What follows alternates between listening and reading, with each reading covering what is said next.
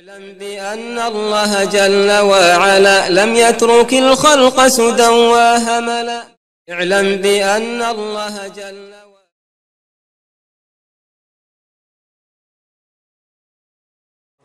بسم الله الحمد لله الصلاة والسلام على رسول الله. استعين بالله لا حول ولا قوة إلا بالله. اللهم لا سهل إلا ما جعلته سهلا وأنت تجعل الحزن إذا شئت سهلا. اللهم أرنا الحق حقا وارزقنا اتباعه وأرنا الباطل باطلا وارزقنا اجتنابه. ولا تجعل الحق ملتبسا علينا فنضل. اللهم آت نفوسنا تقواها وزكها. أنت خير من زكاها أنت وليها ومولاها. برحمتك يا أرحم الراحمين. ربنا لا تزغ قلوبنا بعد إذ هديتنا وهب لنا من لدنك رحمة إنك أنت الوهاب. اللهم يسر ولا تعسر. اللهم بارك وتمن بالخير. Emma ba'd. Sva hvala i zahvala pripadaju samo Allahu, savršenom, veličanstvenom gospodaru, kojeg srca vjernika veličaju onoliko koliko je jak njihov iman i tevhid. Salavat i salam na Muhammeda sallallahu aleyhi ve selleme, Allahovog roba najboljeg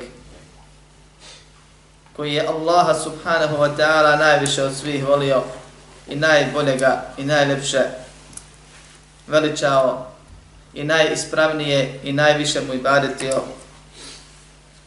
Neke Allahov salavat i salam na njega, njegovu porodicu, ashabe i sve one koji se drže prave vjere Kur'ana i sunneta do sudnjega dana, a zatim došlo je na redu još jedno u nizu poglavlja koji govore o stvarima koje umanjuju tevhid. A kose se sa dušom tevhida, sa srži tevhida, a to je veličanje Allaha subhanahu wa ta'ala, veličanje onoga koji je najveći, najuzvišeniji, koji svaku hvalu i zahvalu zaslužuje, kojemu se samo sve, svaka pohvala upućuje, kojemu svi duguju sve, a on nikome ne duguje ništa, i pored toga mnogobrojnim blagodatima nas obasipa koji neće piti pita za ono što rade, a svi drugi ćemo biti pitani. Kaže šeheh rahimahullah, babu ma ja'a fi kethrati al-half. Poglavlje o tome što je dostalo šerijatskih tekstova vezano za pretjerano ili puno zaklinjanja.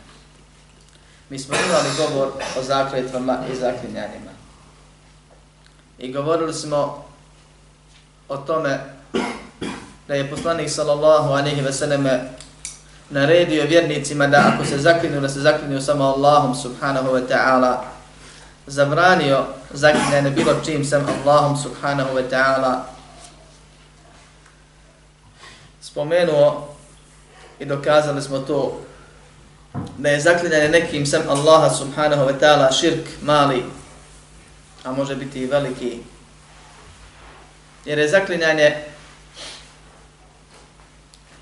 spominjanje imena onoga koga veličaš kao garancija za istinu dost onoga što govoriš.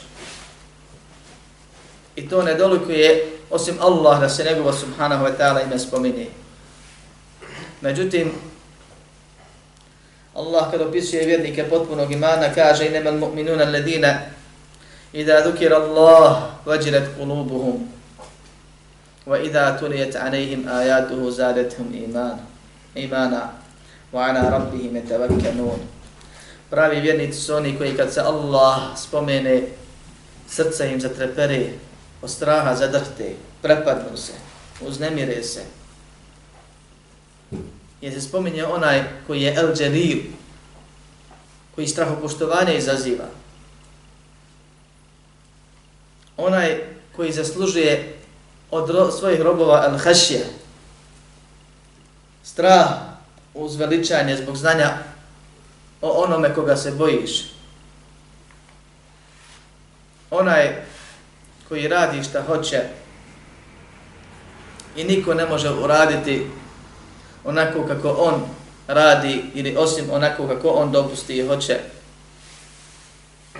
Wa idha tuliyat alayhim ayatuhu zadatuhum imana a kada im se njegovi ajeti spomenu to im poveća vjerovanje i samo se na svog gospodara oslanjaju. Kad čovjek kaže jeste, tako je, ili jesam, ili nisam, tako mi Allah. Taj je rekao drugim riječima, kao što spominju učenjaci, istina je ono što govorim, kao što je istina da Allah postoji. I Allah je garant da istinu govori, uzimam njega za svedoka i on će me kazniti ako lažim. Sve ovo znači Allah mi. I zbog ovih stvari zaklinjanje nekim sem njega je širk mali u osnovi jer ljudi ne cilaju i ne znaju šta sve podrazumijeva. A kad bi bili svjesni bio bi veliki širk.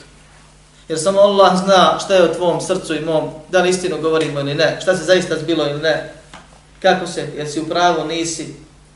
I samo je Allah u stanju da te kazni ako neistinu govoriš niko drugi sem njega. I samo on zaslužuje s te strane da garant pravi budi. Ali s druge strane, braćo moja, vjernik sebi ne dopušta da za svaku sitnicu, a mnoge krupne stvari u našim očima su u stvarnosti sitnice, i da svako malo Allaha u ovakvom kontekstu spominje. I da svedoka priziva. I tvrdi da je to i to istina kao što je istina da Bog ima i postoji. Pa je pokuđeno i suprotno je potpunom tevhidu i srca vjernika koji teže ka potpunosti uvjeri su čista od toga da se često Allahom istinito zaklinju.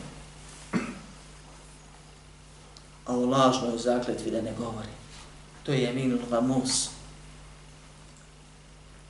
Zakletva koja potopi čovjeka u grijeh na ovom svijetu i u džahennem na ahiretu. Da se svjesno lažno zakuneš Allahom. To je težak grijeh. To mnogo nagriza tebe.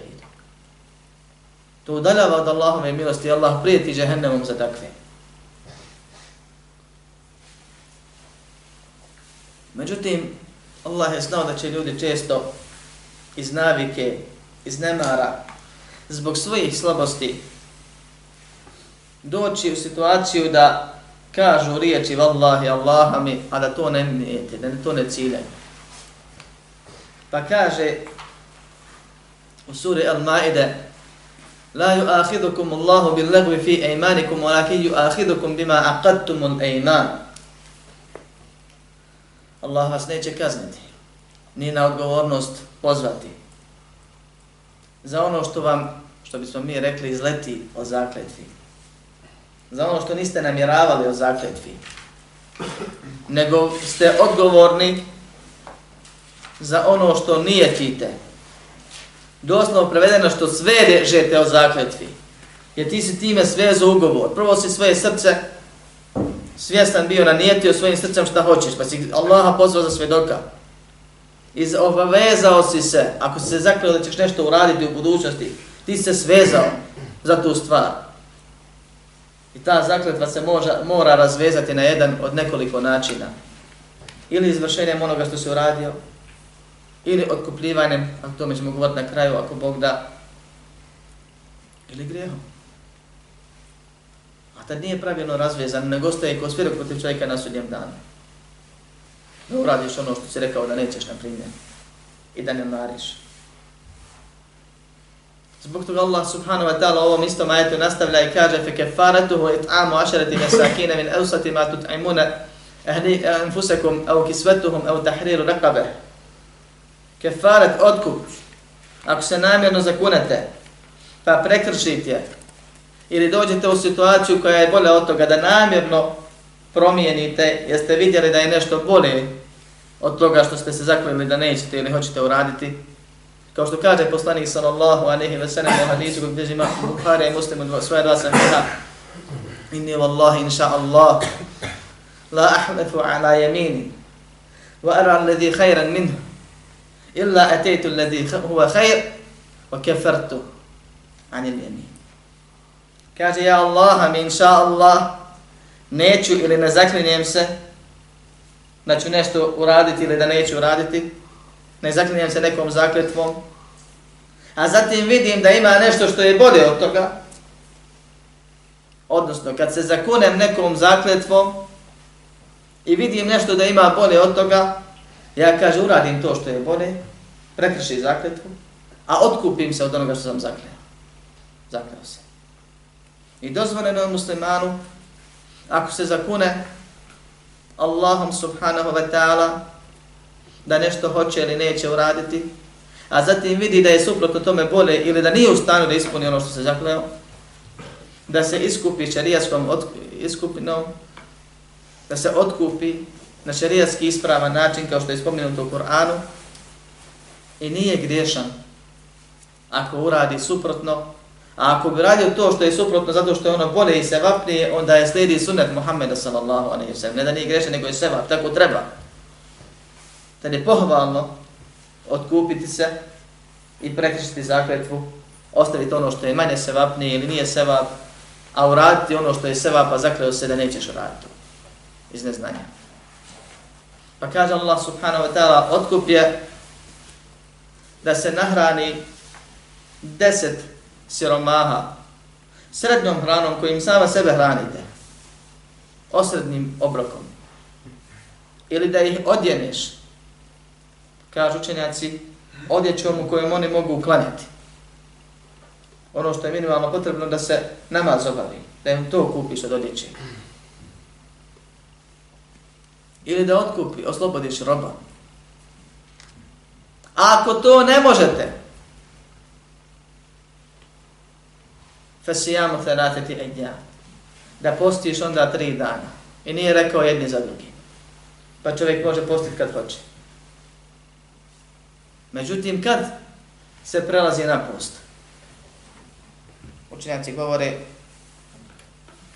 učenjaci često spominju, a to smo vidjeli kod nas u stvarnosti našoj, dakle, šeitan se poigrao sa ljudima diljem svijeta islamskog, da ljudi odmah pitaju kad hoće da prekrši ili ako prekrši zakletvu, koliko i kad trebam postiti.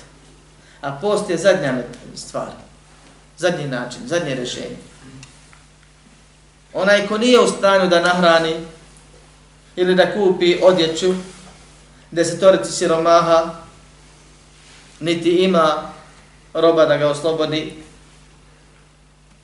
tek taj prelazi na post i posti tri dana i time se odkupio i nema grija. Zalike kafaratu eimanikum idha haneftum. To je otkup za zakletvu kad se zakunete. Wahfadhu eimanikum. I to je ajet, dio ajeta s kim je šeh počeo ovo poglavlje. Čuvajte svoje zakljete, naređuje gospodar svjetova.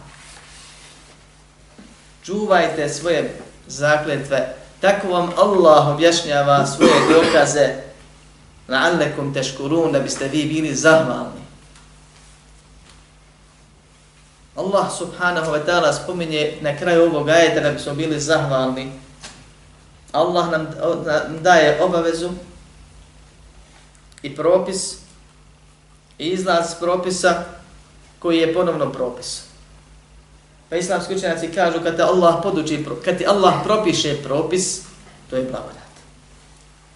Da znaš šta i kako trebaš da radiš. Pa kad te Allah poduči propisom, to je još veća blagodat. Pa kad te Allah spominje izlaz i iznimne situacije da možeš da manevrišeš ako ne možeš ovako da imaš na drugi način, da se otkupiš ako pogrešiš, to je još veća blagodat. I podučite time još jedna blagodat. I zato Allah kaže da biste bili zahvalni. Tako vam Allah pojašnjava dokaze da biste bili zahvalni. Čovjek je obavezan da zahvali Allahu subhanahu wa ta'ala na svakoj blagodati, pogotovo na blagodati kad nauči nešto od vjere što nije znao. Pa da može nakon toga da živi ispravno. To je posebna blagodat. Ovdje je poenta ili dokaz za temu su riječi Allaha subhanahu wa ta'ala u ovom dužem ajetu Wahfadhu ejmanekum, čuvajte svoje zakletve. Šta znači to? Kažu islamski učenjaci, čuvanje zakletve biva na tri ili četiri načina. Prvi je da se ne zaklinješ nik, niko, nikim sem Allahom subhanahu wa ta'ala. Da čovjek ne smije da priziva kao svjedoka i garanta u zakletvi nikoga sem Allaha subhanahu wa ta'ala. Jer je to širk. U osnovi mali, a Boga mi onaj ko vjeruje da ga onaj tamo čuje i vidi i može da ga kazni i da se nasrdi na njega ili da mu ne šefaat ne učini pa će u džehennemu, ko što ima kod nekih sekti koji se pripisuju islamu, to je veliki širk koji izvodi iz vjeri. Uzeo ga je za Boga. Pripisuju mu je božanske osobine.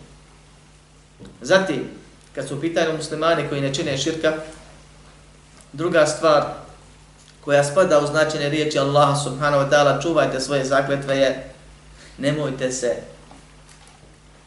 bez razloga i često i za sva što zaklinjati. I zbog toga je šeheh spomenuo ovde u poglavlju o mnogo zaklinjanja. Zbog ove druge stvari. Treća stvar je, koja spada pod ovaj ajet, koja nas Allah obavezuje kad nam ovo naređuje da čuvamo svoje zakletve, ili treći način kako vjernik čuva svoju zakletvu, je ako se zakune, da nastoji da to ispoštuje izme. Prvo zaklinje se na istinu. Kloni se lažne zakletve, ona spada čak i onu prvu. Znači slonimo se na haram način, prije svega širka, zaklinjem nekim sam Allahom, ili lažan. Zatim, ne poseže vjernik često za zakletvom, znajući šta, kolika je to odgovornost. Zatim, ako se zakune, onda nastoji da ispoštuje. I četvrta faza, nakon toga više nije čuvanje grije. Je ukoliko se vjerniku desi da se zakune pa prekrši svoje slabosti ili prekrši na to što smatra da je drugačije bolje da se otkupi na način na koji je spomenut malo prije. Onaj ko radi po ovim fazama, ko se čuva haram zakletve, bilo širka ili harama, lažne zakletve, ko se često ne zaklinje, ko kad se zakune Allahom subhanahu wa ta'ala ispoštuje, trudi se da ispoštuje, i ako vidi da ne može, onda se nastoji i brine se o tome da se otkupi i otkupljuje se, takav čuva zakletve i takav, braćo moja, veliča Allaha subhanahu wa ta'ala po ovom pitanju onako koji je propisan. Jer se ne igra sa Allahovim imenom i ne igra se sa Allahom. Sve suprotno tome je igranje.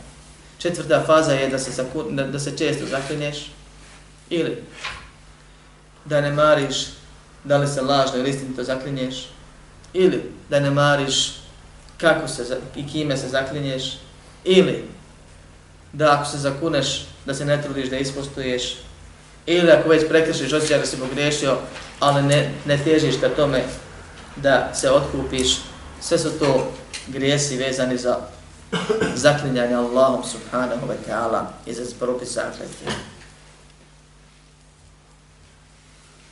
Zbog toga šeheh spominje niz hadisa koji govore o ovoj stvari. Pa kaže, od Ebu Hureyre radijallahu anhu se prenosi da je poslanik sallallahu anehi ve sallam rekao Al harifu men faqatun li sil'ati, men haqatun li kesbi, ahrađahu. Ili je Bukhari i Muslim. Hadis u kome poslanik sallallahu anehi ve sallam kaže Zakletva promiče robu, ali uništava zaradu uništava njen bereket, kao što je došlo u drugom rivajetu. I uništava zaradu i količinski. Koja je to zakletva? Došlo je nekim rivajetima koji su slabi lažna zakletva. Međutim, u vjerodostojnim rivajetima stoji zakletva. I ima dio učenjaka koji kažu hadi se odnosi na lažno zakletvo jer njega tumače ovi drugi rivajeti. Međutim, ispravno je, Allah najbolje zna da ti se rivajeti svakako slabi, ne mogu biti dokaz, a ovdje se cilja na stvarnu zakletvu. Kao što kaže šeha Abdela i drugi prije njega, lažna zakletva je jasna. Ona je ogroman grije. Ona je haram sama po sebi. Ovdje je pojenta da čovjek da bi prodao i kad prodaje kune sa Allahom subhanahu wa ta'ala da bi prodao. Pa se često kune. Pa pri svakoj prodaje jeste Allah mi ispravan, jeste Allah mi uredi, jeste Allah mi ovako dobar, nije dobar. Nikoga ne pita se za kune. Pa on Allaha velikog, veličanstvenog koristi za niske ciljeve za prodaju. I to bez da se od njega traži. Ako se od tebe traži, u redu je, dozvoljeno je. I znamo, zakljanje Allahom nije haram koje je pokuđeno ili zabranjeno često zaklinjanje i za svašto zaklinjanje i lažno zaklinjanje i dakle nekim samo Allahom i tako dalje. Kaže, promiče rob. Ti ćeš prodati tako lako. Ti sam po sebi ne znajte ljudi ko lažove, još ako imaš znakove islama na sebi, dobro jest, vjeruj ti ljudi, još se zakuneš i on ode. I ti si u pravu, nisi slago, nisi prevario. Ali zato što si Allaha i njegovo ime zloupotrebio, Allah ti uništi bereket u toj zaradi. I uništi ti čak i smari tu zaradu. Dobiješ na mostu, izgubiš na čupri. Desi ti neki balaj, pa tamo moraš da platiš puno više od onoga što si ti gomilo svom zaradom na taj način. Pa čovjek ne treba na osnovu ovog hadisa da pribjegava zakletve osim u nuždi ili kad baš kad se od njega traži. Zatim, u drugom hadisu, čiji je sened slab, ali postoje tri ili četiri hadisa u Bukhari i Muslimu, u kojima se dokazuje svaka od ovih rečenica vjerodostojna. Tako da se može koristiti hadis kao da je vjerodostojan, jer imamo dokaze Kaže poslanik sallallahu anehi ve seneme, trojico sa trojicom thalathatun la yukallimuhum Allah wa la yuzakkihim wa lahum. S trojicom Allah neće razgovarati. Niti će ih pohvaliti, očistiti. I njima pripada bolna patnja. U hadisima, kad se saberu ostali hadiskog Bukhari i Muslima, jer dostin spominju se tamo još dvojica. Ili trojica. Kaže ovdje u šejmetun zani. A kod muslima je šehun zani. Kaže, neće Allah s njima razgovarati. To ne znači da neće pred Allahom račun polagati. Postoji te, ovaj vjerovatnoće da po ovom bitanu neće s njima razgovarati i postoji da će razgovarati, ali razgovorom koji neće biti prijatan. Tako tumače učenjaci. Ili po ovom pitanju kad budu polagali drugi račun, ovo ništa, ovo odmah ide prijetnja. To smo završili, to je jasno da se pogrešio žehenem ne slijedi. Da Allah sačuva ili kazna. I učenjaci različito tumače, to je pojenta ove riječi, ali su svakako riječi prijetnije. I neće ih pohvaliti, neće ih očistiti, neće im oprostiti. I njima pripada bolna patnja, treća rečenica. Prvi je, kod muslima je došlo starac, bludnik. Ovdje je došlo sjedi starčić, bludnik. Pa učinjaci tumače zbog čega ga ovdje spominje u ovom obliku, da ga, kao da je to nešto malo, malehno. Siljem da ga ponizi. Jer radi ono što mu nikako ne doliko. Nije to mladić, čovjek u srednjim godinama u punoj snazi, koji ima porive, nagone, pa pao na iskušenju. Nego je to čovjek koji ima nagone, ali su slabi. Ima mnoštvo razloga dunjalučkih da se odupre i načina. Već mu je posa osjedila i tijelo oslabilo. Međutim, jedino kod njega što je jako, je ljubav za ovim grehom na koji se navikao. I to ga navodi da je u takvom stanju, u takvim godinama teži za haramom, koji je sam po sebi veliki grije i opasan grije. za kojeg se hvate i muče ljudi još u kaboru i na sudnjem danu, a pogotovo u džehennem. Pa zbog toga što on nema razloga kakvih ima, nisu opravdani naravno nijednom. Allah je zabranio blud svima. Ali nema poriva, nema nagona, nema situacija, nema razloga koji ima mlađi čovjek, pogotovo mladić. Allah subhanahu wa ta'ala njegov grije stavlja na stepen iznad običnog ostalog bluda. Drugi je A'inun mustekbir.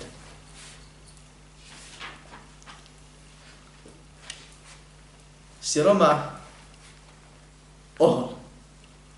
Kažu sam se učenjaci, postoje dvije vrste oholosti. Ili dva razloga zbog čega se ljudi ohole. Prvi, najčešći, najširi je oholost zbog osobina, zbog svoj stava. Pa imaš nešto što te zavelo, pa si time ti zaveden i umislio se da si bolji od drugih, pa zbog toga si se digao. Jer oholost je omalovažavanje ljudi. Smatra se nje sebe boljim od ljudi. I zato to odbijaš istinu. Pa obično su razlozi dunjalog, mnoštvo imetka, pozicija, moć, utjecaj. To su razlozi koji čovjeka tjeraju da bude ohol. I zato u suri Humeze se spominje njihove osobine i razlog da su to oni koji skupljaju metak i broje ga i sabiru ga i, i tako dalje, gomilanje ga. I postoji oholo zbog bića samog. Da ti sebe umisliš da si ti onako bolji od drugih. I ono biva kod pojedinca i biva kod zajednice. To je poseban grijeh. Jači i veća, opasnija vrsta oholosti od oholosti od one prve, najraširenije. Iblis. Čime se on uzoholio? Šta on ima bolje od Adama? Osim što se umislio da je bolji. Pa je tražio razlog izmišljenja. Ovaj sebe ubije da on ima nešto. I ta oholost, braćo moja, nije samo je za nju je vezano izrugivanje i smijavanje sa ljudima kada, kao što Allah kaže la eshar qawmu min qawmin asa yakunu khayran minhum neka se ljudi ne smijavaju jedni s drugima možda su oni bolji od njih jesu sigurno bolji. Čim ne radi ovaj grijeh koji izrugivanje i smijavanje biva kod pojedinca i kod zajednice. Da ti misliš da si bolji od nekoga ili od svih. Da se ti nešto oholiš a ne imaš nikakvih razloga ovipljivih za oholost a i oni nisu ispravni razlozi. Čak se ne smio nikad oholiti Isto je tako da čovjek kaže ovi te i te nacije, istog istog mjesta, ovi sa sela, ovi iz grada, Arapi, Bosanci, ovi ili oni, to je još veći grije. Da misliš da je tvoja zajednica bolja od drugih. Tvoja rasa bolja od drugih. I s time povrijedio mnoštvo ljudi, ne jednu osobu. Ali je pojem da ode da čovjek siroma koji je sam potreban svih da mu pomognu, nema razloga da on nešto se diže na drugim i smatra se bonim od njih. Kad oni njemu ne treba, on njima treba. Odnosno, on njima ne treba, oni njemu trebaju. Pa je oholo sama po sebi jedan od najvećih greha i prvi grije. Zatim je kod ovakvih tipova još veći, pa zaslužuju ovakvu posebnu kaznu na sudnjem danu. I treći je Rajulun ja'ala Allahe bizda'atehu. La ješteri ila bi jeminihi, wa la jebi'u ila bi jeminihi. Ima puno rivajeta koji govori na ovo temi, ovaj stvarno najviše, najbolje opisuje. Čovjek koji je Allaha uzeo za robu, ne trguje, ne kupuje osim sa zakletvom i ne prodaje osim sa zakletvom. Malo je teško shvatiti. Potom zato što ja volim doslovno prevode se razumije. Šta znači uzeti Allaha za robu? Ja posla, pojašnjavam poslanik sa sem, da se zaklinješ Allahom da bi prodao i da se zaklinješ Allahom da bi kupio. Zbog čega je baš ovo ovoliki grije. Zato, braćo moja, što mi svi znamo da kad kupujemo i kad ljudi prodaju ili prodajemo nešto što nam je bitno, na čemu očekujemo veliku zaradu, onda ima nešto što se zove gratis. Ubaciš nešto što je manje vrijedno, što možeš halal, pa zalijepiš usto i kažeš ovo ti je gratis. Ako kupiš ovo, što je bitno, dobit ćeš ovo što je gratis. To je dozvoljeno u šerijatu, pod uslovom da se zna šta je i kako je i da ne i tako da imaju svoje pravila. A e onaj ko zakletvu koristi kao da je Allah ne udobila učinio tako, ako nešto totalno nebitno, ko grati, samo bitno da mi upiš rob, evo ti zakletva. I zato je to veliki grije. Allah se veliča, on se ne ponižava. Ni svjesno, ni nesvjesno. Ni srcem, ni jezikom. Na ti zbog sitnice, a sav dunjalog je sitnice. Allaha spominješ da bi promekao ono što je bezvrijedno. Samo ako se tebe traži, ako se potvoriš, onda se zaklinješ. Kad već vidiš da ti ljudi ne vjeruju, ispade da lažeš, a vjernik ne laže, i to vjernika vrijeđa, kad neko pomisli da on laže, onda se zakuni. A ne zbog dunjalu kada bi ga prodao. Pa i pri, pri prodaje nije problem ako dođeš u ovu situaciju. A ne da bi I zato kaže, ne kupuje osim sa Allahom, sa zakletvom njemu, nime, niti prodaje osim sa zakletvom Allahom subhanahu wa ta'ala. U sahihu od Imrana ibn Husayna se spominje da je poslanik sallallahu anehi wa sallam rekao Hayrun ummeti qarni, thumma alladina jelunahum, thumma alladina jelunahum. Najbolji od mog umeta je moja generacija. Zatim oni koji, oni koji ih slijede, zatim oni koji ih slijede, kaže Imran, ne znam je li nakon toga spomenuo dva ili tri puta, dakle ne znam je li spomenuo ukupno tri ili četiri generacije. Prva generacija su ashabi. Svaki onaj koji je vidio Muhammeda sallallahu a nehi veseleme vjerujući u njega i na tome umro. Vidio ga makar zdaleka. Druga generacija su tabini, koji su vidjeli ashabe, Allahova poslanika sallallahu alaihi wa sallam. Treća su tabi tabiini, oni koji su vidjeli tabiine i doživjeli tabiine. I četvrta su oni koji slijedi nakon njih, ako postoji četvrta generacija, većina rivajata govori o tri. I to su kurun mufabbale, tri odabrane, tri posljedne generacije. To su oni prvi, oni koji slijede u dobro. Prva generacija je najbolja. Zato što se u njoj nisu desile novotarije. Zato što je u toj generaciji sačuvana originalna vjera.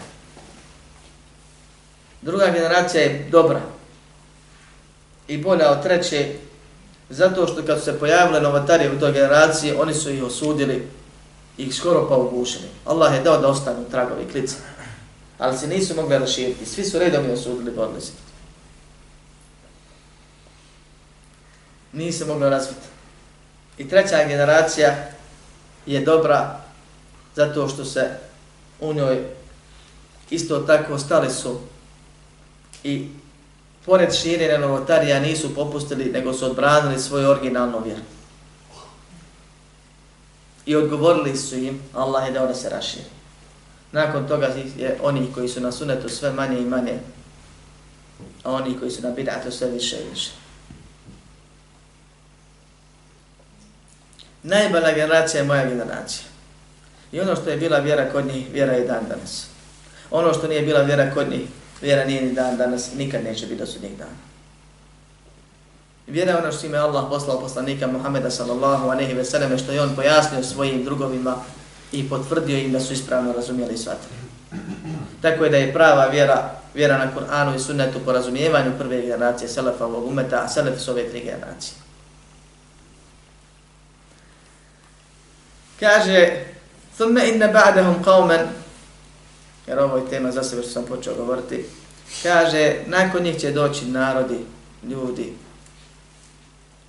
jeshadune vola jeshadune, svjedoče, zaklinju se, jer šehade znači svjedočenje, znači zaklinjanje. Jer se obično svjedok mora zaklinjati da, da istinu govori. Svjedoče, zaklinju se, a niko ih ne pita požuruju se zakletvom. Jer ne znaju da vrednuju. Ne razumiju šta je zakletva. Ne veličaju Allah onako kako bi ga trebao vjernik veličati. Jehununa vala yuktemenun. Varaju iz nevjere. I nisu pouzdani. Ne može se na njih računati. وَيَذْهَرُ فِيهِمُ السِّمَنِ I kod njih se pojavila i pojavit će se kod njih gojaznost, raširit će se. Debljina. Između ostalog i zato kao sam govorio na versu četvrtak, ne ovo, nego tamo o razlocima spada, opadanja imana, a to što nisu se trudili da ukorče svoj nefs. Nego su se zabavili dunjalukom, pa je spreman za dunjaluka, za dunjaluk i da pogriješi, i da se vlažno zakune i da se bez razloga često onako zaklinje i kad je u pravu i kad je u krivu. Jesu se odali dunjaluku. Isto tako se spominje u drugom hadisu od Ibn Mesuda, ne poslanik sallallahu alaihi sallam rekao najbolji od svih ljudi je moja generacija. Tamo kaže najbolji od umeta. Ovdje kaže najbolji od svih ljudi ashabi Allahova poslanika sallallahu alejhi ve sellem su najbolji vjernici koji su hodili ikad zemljom. Samo vjerovjesnici i poslanici su bolji od I ummet i ashabi bilo kojeg vjerovjesnika i poslanika prije njih nisu vrijedni ko ashabi Muhammeda sallallahu alejhi ve sellem. To je najbolji od svih ljudi, najbolja generacija od svih ljudi. Zatim oni koji slijede, zatim oni koji slijede, kaže zatim će doći narod tesbiku šehadetu ahadihim jeminahu wa jeminuhu šehadetahu. Kaže, doće generacija koji će se tako ponašat da se ne zna da li prije zaklinje se ili svjedoči, ili se svjedoči ili zaklinje. Pratiće svjedočenje zakletvu i zakletva svjedočenje. Sve jedno mu je. Da li ti njega pitaš, sumnjaš ili ne sumnjaš, Allaha mi. Da li je u pravu ili u krivo, Allaha mi. Da li je to on vidio ili nije, Allaha mi, vjerujem ja njemu. mogu se zakleti. Moje, rođake, obećao mi je procenat i tako dalje. Možda u drugim rivajetima, kao što je hadis prije toga, da će dolazit da svjedoče i kad nisu pozvani. A kamo li kad ga pozove da lažno svjedoči, eto njega odmah. Isplatimo se. Ili onako kad se od njega ne traži za nebitne dunjaločke stvari, opet svjedoči. I zaklinje se. Jer nit veliča Allaha na svetinja, niti Allahovo ime i Allaha subhanahu wa ta'ala. Niti poštuje granice halala i harama u osnovi, niti radi ovo više što već, o čemu večeras govorimo. Zato kažu islamski učenjaci, ovaj hadis, cilj njegov, njegov osnovno značenje je da će se pojaviti ljudi koji će puno, ne vedeći računa baš o tome, svjedočiti puno se zaklinjati. Hadis se prije svega ovdje odnosi na lažno svjedočenje i na bilo koju vrstu zakletve. Jer je došlo u drugom hadisu vjerodostojnom da su najbolji oni koji dođu da svjedoče kad, ih, kad se od njih ne traži. To je situacija kad se desi neki belaj i ti budeš svjedok i mogao bi koristiti osobi da, se, da dobije svoje pravo. I umjesto da čekaš da te pozovu, pa i da ti plate, ko što je običaj danas, da dođeš da radiš ono što ti je dužnost, ti se sam odeš i prijaviš i svjedočiš da se ne bi zakinula osoba koja ti si svjedok da ne, ne smije, da je on u pravu, ili da bi osoba koja je u pravu dobila pravo. I to je pohvalna i pozitivna osobina. U stvarima kad se već parnica desi, kad se desi velaj, kad, se, kad znaš, a ne kad već ima svjedoka, ili kad nisi u pravu, ili kad nisi siguran da li su u pravu, da trčiš bez da te neko zove i pita. Kaže Ibrahim al-Nakhai, učenik od Ibn Mas'uda, tabi'in, jedan od najučenijih ljudi na Dunjalku. Jedan od. A bilo je puno prve dvije generacije. Kanu jadribunana ala šahadeti wal ahdi wa nahnu sigar. Tukli su nas. zbog svjedočenja, odnosno zaklete, kao što tumače to komentatori, i obećanja kad smo bili mali. Odgajali su nas kad smo bili djeca, da kad govorimo istinu, govorimo i kad se zakunemo, da se ispravno zakunemo ili da se bez razloga ne zaklinjemo i da ono što obećamo ne iznevjerimo. Ko? Njihovi roditelji, Selef, najbolja generacija. Odgajala svoj djecu u mladosti, iako njima se grijesi ne pišu. Da se ne igraju s ovim stvarima s kojima nema igre i šale. I da ne odrastaju s tim pa da kasnije postaje ne im to navika koju je teško izbaciti. I ova sama rečenica poruke u sebi ima ko razmisli sam može da shvati.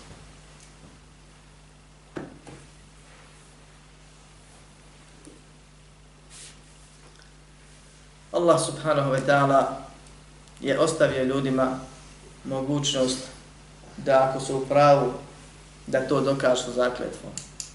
I samo zaklinjanjem Allahom subhanahu wa ta'ala i baret. Allah subhanahu wa ta'ala ne dozvoljava da se čovjek često zaklinje. Strogo zabranjuje da se čovjek lažno zaklinje, a još strožije zabranjuje da se zaklinje čovjek nekim semlje njim. Subhanahu wa ta'ala. Allah subhanahu wa ta'ala, ako se već upustio dobrovoljno, niko te nije tjerao pa si rekao Allaha mi, tako će biti, ili tako je, da to bude tako, obavezujete, da se trudiš da to ispuniš. Allah subhanahu wa ta'ala svoje milosti ne kažnjava čovjeka i ne piše mu grije ako mu je izletilo Allaha mi znavike ili rekao je Iako je mislio da je u pravu, a ispostavilo se da nije. Nitar nije grije. Da, svjesno si se zakleo. Jer si nešto vidio.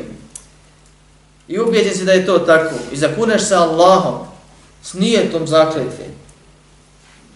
I ljudi te pojasne da si loše vidio, da nije tako bilo. Nisi griješan. Ne boli ti se zakletva. Ne moraš se otkupljivati. Allah subhanahu wa ta'ala traži od ljudi ako se ispostavi da je suprotno bolje ili da ne mogu ispuniti ono što su se zakleli da se otkupe i propisao im je otkup.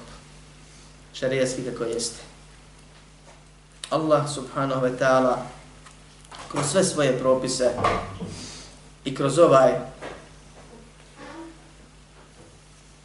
zaslužuje i zahtjeva od nas da ga se veliča. Što više to bolje i da se samo pred njim potpuna poniznost osjeća. Da se njegove svetinje poštuju i veličaju. I zabranje, je veličanje bilo koga sem njega subhanahu wa ta'ala.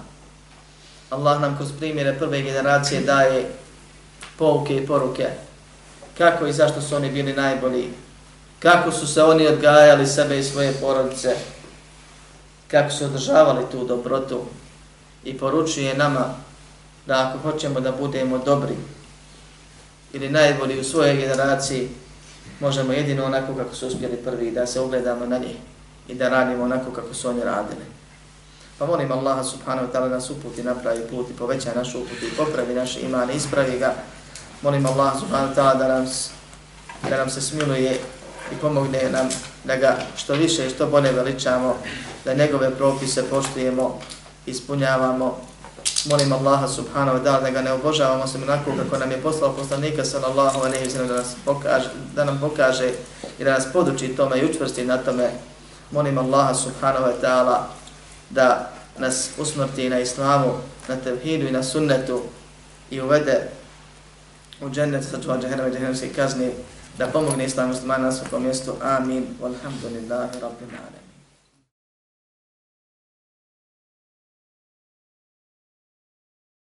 اعلم بأن الله جل وعلا لم يترك الخلق سدى وهملا. اعلم بأن الله جل